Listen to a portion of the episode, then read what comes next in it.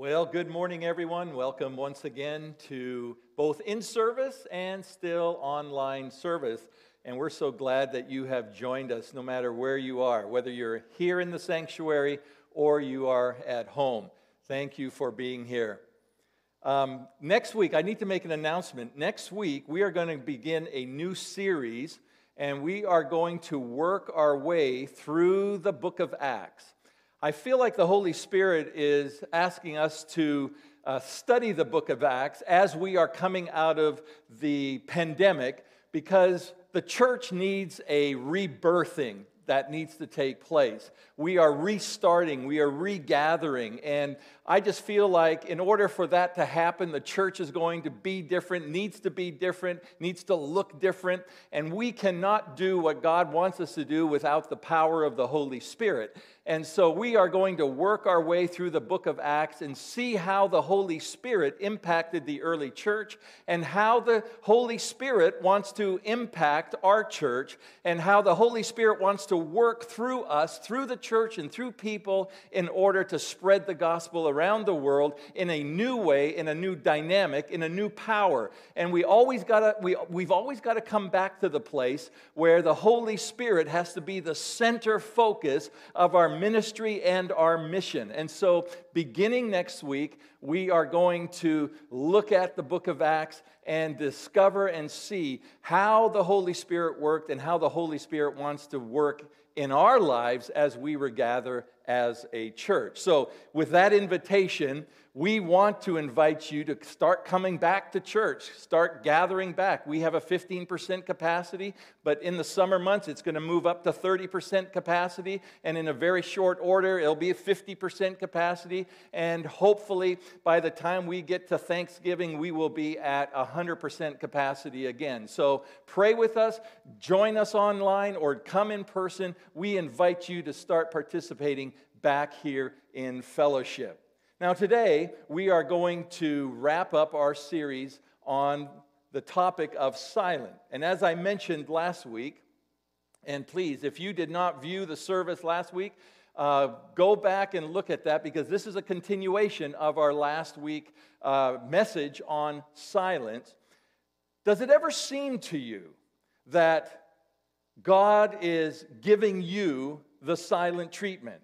Has there ever been a time in your life when perhaps you needed to hear from God? Perhaps you needed to discover for your own life a decision that was in imminent and that you needed a direction, you needed a decision to be made, or there needed to be some action, and you needed God significantly to move on your behalf in some way in your life. And it seemed like, as much as you were praying, that somehow God wasn't answering, or somehow that God didn't care, or that God wasn't doing anything, that somehow it seemed to you that God was completely absent from your life. And it seems like, like heaven was, was closed, that heaven was like made of brass, and you couldn't penetrate the doors of heaven with your petitions. So, in those times when you felt like God wasn't near you, what did you do during those times of silence? And as we learned last week, during the time between the Old Testament and the New Testament, there was a period of history between these two testaments where there was 400 years of utter and complete and total silence from God. There were no prophecies, there was no word from the Lord. It seemed as if God had completely disappeared from his creation totally removed himself from the affairs of the world. Yet, as we learned last week, what we discovered was during this time period, God was indeed working. And so, even in our life, just like back then, between the Old Testament and the New Testament, there are times in our life where we experience this kind of silence. Maybe not for 400 years, maybe not for many years, but certainly it could be months or days. But we need to understand something, as we talked about last week, that in silence, God is still at work. During this time where there was complete silence, God was working faithfully behind the scenes, preparing the world for the birth of his son Jesus Christ. Now, in hindsight, we can look back to that time and we can study it in history, but I want you to notice that, that and, and to be totally assured of this, that in your experience of silence, God is still working on your behalf. Behind the scenes, you may not notice God out front or even His presence surrounding you, but behind the scenes, as we sang about just a few moments ago, God is still working. We also talked about in silence last week that God keeps His promises. And so when we are in these silent moments and silent days, we need to be reminded that God has given us His promises in His Word. And we need to, during those times, focus on His promises that are listed for us in the Bible because they bring comfort and they bring assurance to our life. And lastly, last week we talked about that in the silence, God is still watching. And so we concluded our service and our time together, our teaching time together last week, by saying this In the silence, God may or may not be testing our faith, but our faith certainly will always be tested in the silence. But here's what I want to talk about today. In our time together today, whether you are here in person or you are watching online, Here's the, here's the question that we need to embrace and think about today. What if, what if in the silence, there is something, the silence is something that we are doing that's creating this silence? See, our tendency sometimes is to say, well, why isn't God speaking? Or why isn't God doing this or that on our behalf? But what if? What if the problem is on our end. Most of you have electronic equipment. You have a television set, or you have a computer, perhaps a camera. And if you've noticed, if you have electronic equipment, there is an instruction manual that comes with that equipment. Usually, at the very end of that instruction manual, there is a troubleshooting guide. Now, not very many men read that instruction manual and certainly not the troubleshooting guide. Personally, I can't even read the IKEA instruction manual, and those, those manuals are with pictures. I can't even read those. So men don't usually read instruction guide, but needless to say, these pieces of equipment come with instruction manuals. So when something goes wrong with that piece of equipment and you can't figure it out, there's this guide, this user manual that gives you the steps to reboot that piece of technology. For example, computer printers, they are in this unique realm of repairs. Computer printers are cheap enough that you don't need to call a repairman because if a repairman were to come, you would be paying more for that repairman than the actual printer is worth. But a printer is expensive enough that you don't always want to buy a new one when something goes wrong with it. So you have this user manual. You open this user manual and you try to figure out, or perhaps you even Google the problems, and you try to work your way through this troubleshooting guide. You see, the troubleshooting guide eliminates what isn't the problem to what is the problem. It isolates what the problem is. And so you work your way through the different scenarios in order to find out what is the true issue to that problem. And that's what I want to do this morning to look at some potential common reasons as to why we you and I, we may be contributing to the silence of God. So here's our spiritual troubleshooting guide. And please understand, please understand, the points that I make today are not going to be a comprehensive, all inclusive list, but they are simply some tips to consider that as we try to understand why God may be silent in our life, why and how we need to perhaps address this silence. So here's the first troubleshooting guide that I think we need to think about as we talk about the silence of God. We need to become more authentic. If it seems that God is silent in your life, there may be some issues that you need to address or confess or look at in your life. It's, it's becoming aware that we're not perfect people and that sometimes we need to come to a place where we receive from the Holy Spirit some spiritual cleansing in our life. The way our house is situated and where our television is and where I watch hockey, since we're in the middle of the hockey playoffs, when, we, when I watch hockey on our television, it is near the kitchen. And so sometimes when I'm watching a hockey game, my wife, Gabi, is doing something in the kitchen. Since the rooms are co joined together, the blender is going, the dishwasher is on, perhaps the microwave is microwaving, and then she turns on the faucet in the sink. As I'm watching the game, due to the noise, I begin taking my television clicker and I begin turning up the volume. There's so much, there's so much noise in the house that I can't hear. Because now the washer and dryer are beginning to work, uh, are beginning to be loaded and are running. And I, I turn on the volume, I begin to realize this volume is all the way up and I can still barely hear what is happening. Perhaps it's my age and maybe I am losing my hearing, but the point is, I am turning up the volume. Here's the point the problem is, isn't that I need to turn up the volume more. The problem is, is there is a cacophony of sound in our house that needs to be turned off or turned down.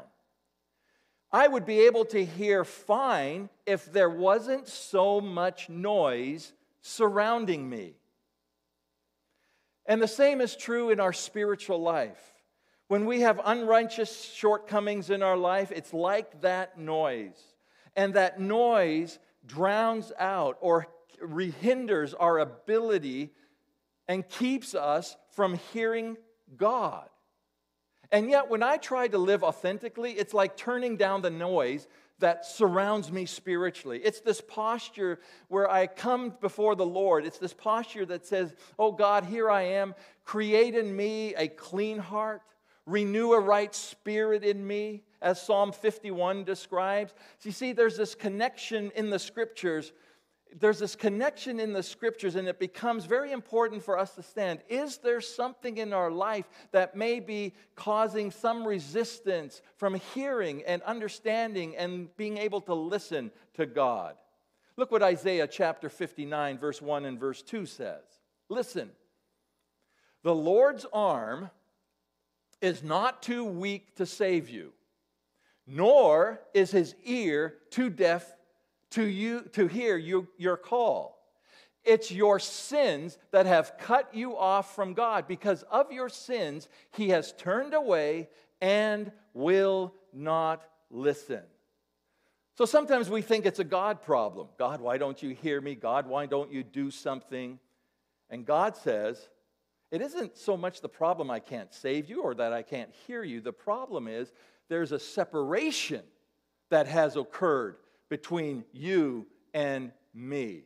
1 John chapter 1 verse 9 says, "But if we confess our sins to him, he is faithful and just to forgive us our sins and to cleanse us from all wickedness." So here's what we need to consider. Here's maybe what we need to do in our lives. We need to remove ourselves from distraction. We need to take minutes, however long you need, to move into an area of silence. Go to a park and sit under a tree, sit on your balcony, go into your bedroom, sit on your porch, remove yourself from all kinds of noise, and give God a chance to speak into your heart about some area of your life that needs attention? Is there something in your life that needs adjustment? And perhaps in these moments that you've withdrawn, something will be, be brought to your memory or come to the surface, but it opens the lines of communication where you can listen to God and be more authentic with Him. Here's troubleshooting tip number two that can help us in our frustrations with this silence is we need to come to a place where we forgive one another, where we forgive other people. You see, when there is bitterness and anger in our hearts towards others, it makes it very, very difficult to hear from God. Here, here's some verses that interrupt this connection. Look at uh, Mark chapter 11, verse 25. But when you are praying, first forgive anyone you are holding a grudge against, so that your Father in heaven will forgive your sins too. Hebrews chapter 12 verse 15. Hebrews chapter 12 verse 15 says, "Look at look after each other so that none of you fails to receive the grace of God. Watch out for that poisonous root of bitterness. Watch out for that poisonous root of bitterness that grows up to trouble you, corrupting many."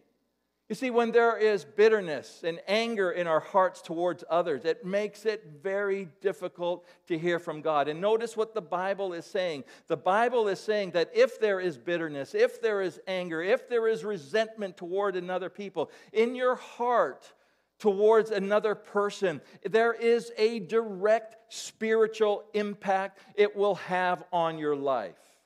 It affects your connection with people and it affects your connection with God. So the question is this the question you need to ask yourself is this Is there someone in my sphere of influence? Is there someone that you need to forgive?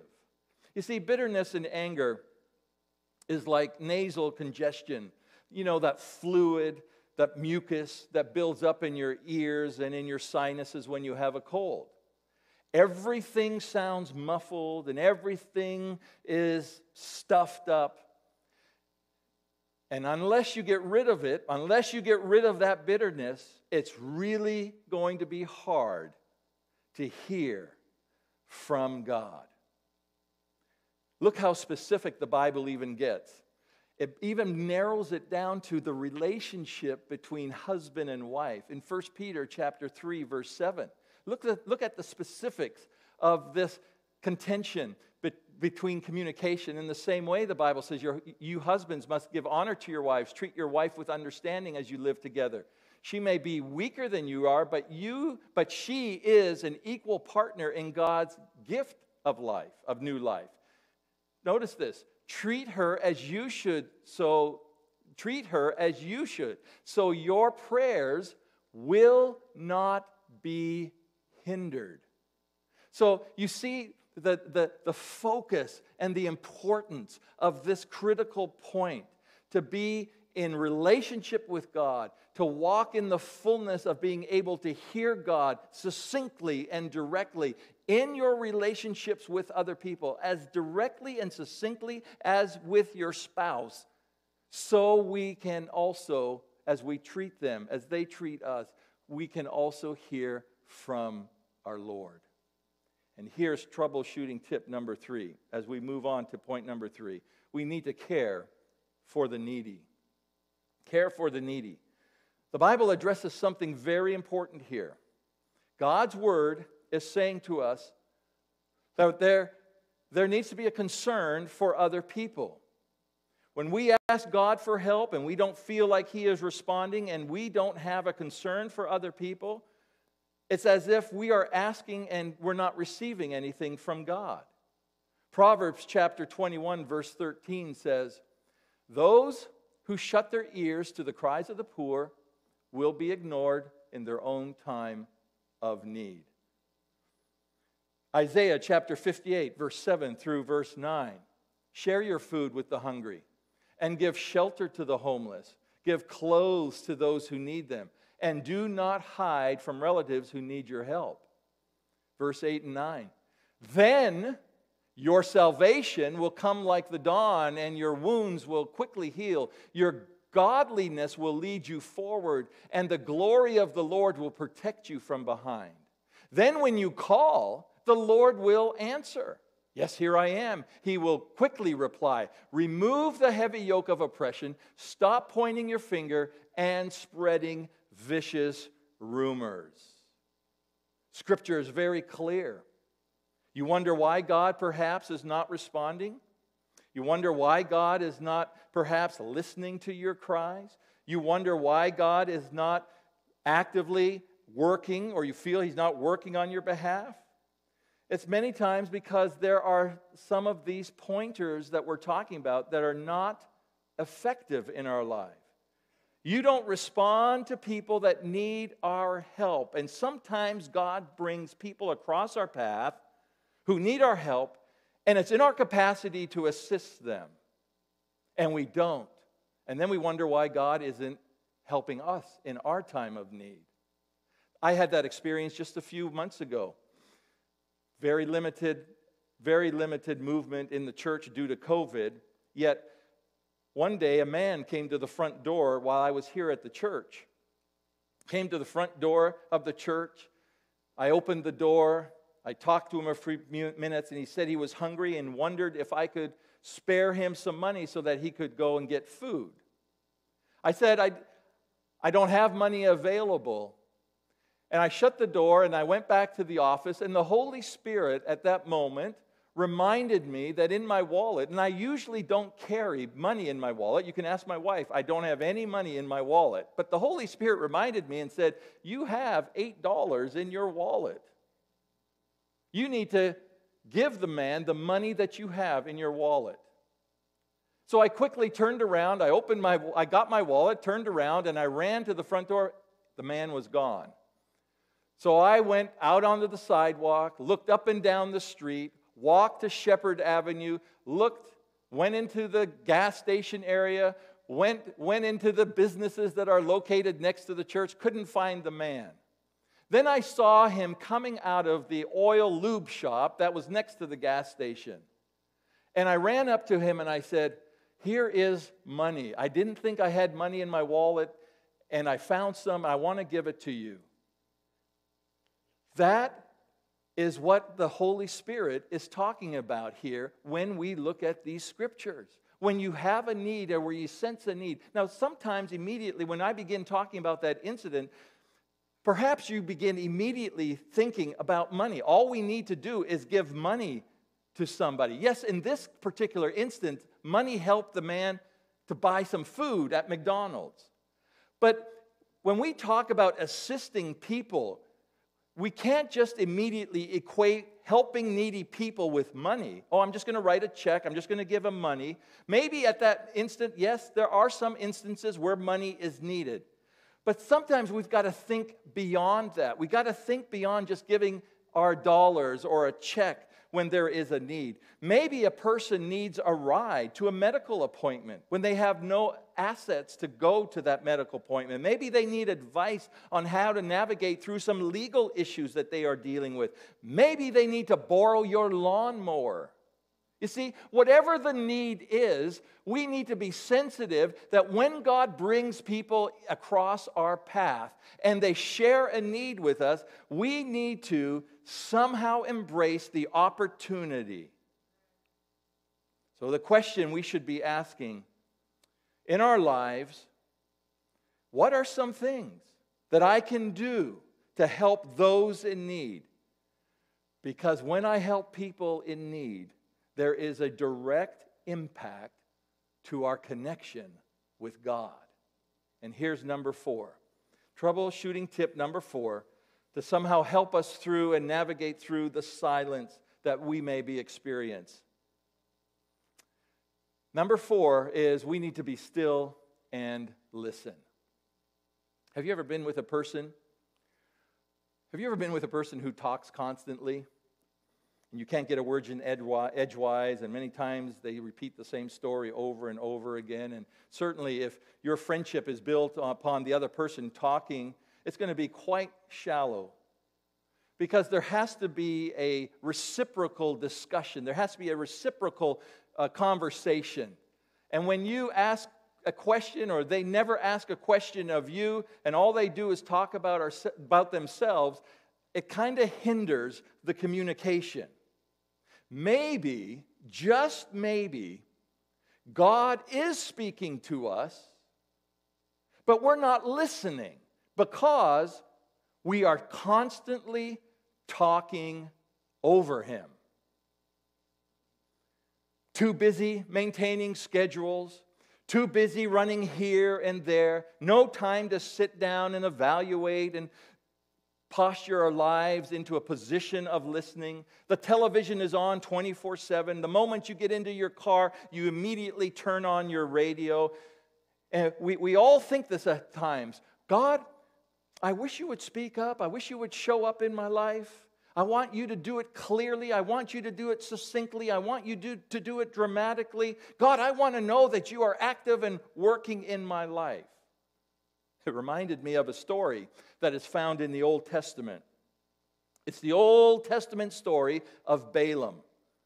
Balaam was God's prophet who was hired by the princess of Moab to put a curse on the people of God, the Israelites.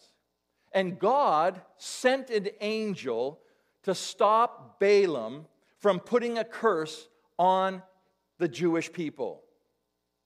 So Balaam is on this donkey and he's on his way to bring this curse upon the people, and the angel blocks the path. Immediately, the donkey stops because he, he sees the angel he witnesses the angel directly on the path and he veers off the road. And Balaam, what Balaam does is he takes a stick and he beats the donkey. Then further down the road, the angel appears again. And the donkey tries to go around the angel, and while doing so, he squeezes close by a brick wall, a stone wall, and Balaam rubs up and scrapes his knees along the wall. And again, he beats the donkey severely. Walking further down the road a third time, the donkey simply kneels when he encounters the angel on the road. In the middle of the road, the angel, as he's standing there, causes the donkey to kneel. And again, the Bible says that Balaam beats the donkey with a stick. And in Numbers chapter 22, listen what the Bible says as it concludes this story. Then, after the third time, then the Lord opened Balaam's eyes, and he saw the angel of the Lord standing in the roadway with a drawn sword in his hand. Balaam bowed his head and fell face down on the ground before him. What God was trying to do was trying to divert the direction of Balaam's progress. God certainly in this incident spoke in a very unique and in a very direct, clear, and obvious way to thwart the intentions of Balaam. And certainly, yes, God can engage and God can interject into our life in very dramatic, in, in a very dramatic fashion. God can do some amazing powerful things. But more often than not, listen to me, listen to me. More often than not, God speaks to us in moments of silence.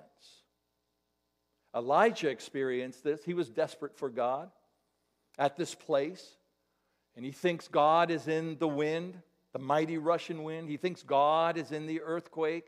That must be God, he thinks, powerful and omnipotent and he thinks God is in the fire. But notice what 1 Kings chapter 19 verse 11 and 12 describe for us.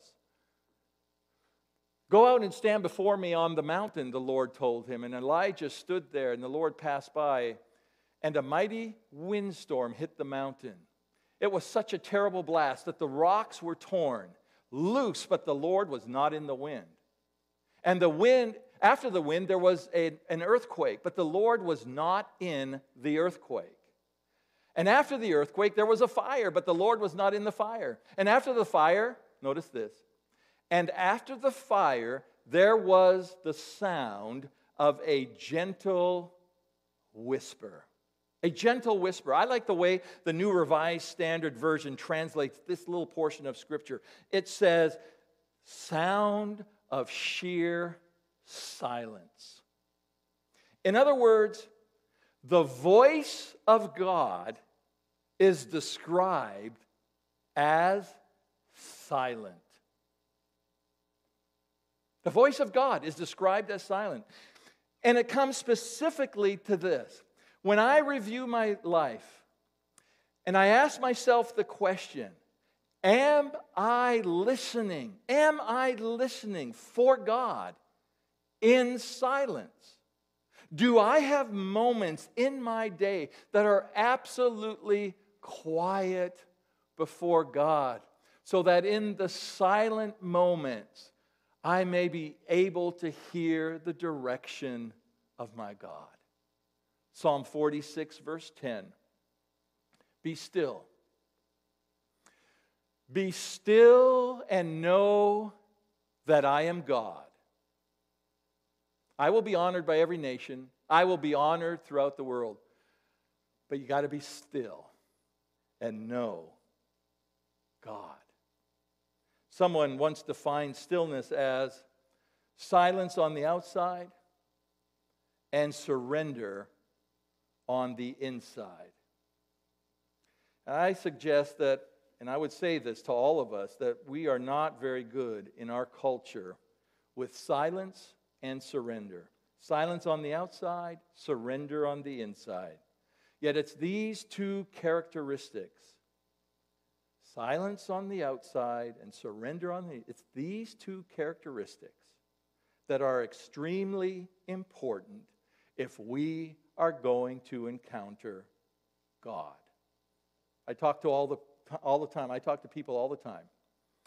They want connection with God. I'm sure all of us, whether you're here in the sanctuary or whether you're watching, I think all of us would say we want connection with our God. We want to hear from God. We want to hear God more clearly in our lives. And I'm here to tell you connection is possible with God. And the reason, though, that heaven may seem silent to us is because we've created these obstacles and I need to come in my life and surrender my heart and my life to God through the atoning work of Jesus. And begin to just look at some of these principles we talked about today and say, are some of these principles that I need to embrace for my life? Are, are these some principles that I can draw to and write down and maybe live by so that I would hear God more clearly in my life? That's the challenge to us. God wants to connect. God wants to have a relationship. God wants to reveal himself to us. But are we processing this engagement correctly? So take these simple principles, apply them to your life, and let's see what God can do significantly and powerful in all of our lives today. Amen. God bless you. Let's pray together. Will you bow your heads in prayer? Father, Lord, thank you for these words, and may they encourage us to seek after you, to be sensitive to your voice. May we quiet our spirits, may we quiet our life so that we can hear more succinctly and directly from you. God, speak to us. Reveal yourself to us, I pray. In whatever circumstance we find ourselves, let us know that you are there, you are present, you are working. You are for us and not against us. And we praise you for that. Give us the sustenance, give us the strength to continually trust in you. And may you reveal your path to us, a straight path that leads us to a better relationship with you. In Jesus' name I pray. And all God's people today said, Amen and amen, amen. See you next week. God bless you. Thank you for joining us. Thank you for coming today. And get ready for a great series on the book of Acts starting next week. Have a great week. Amen.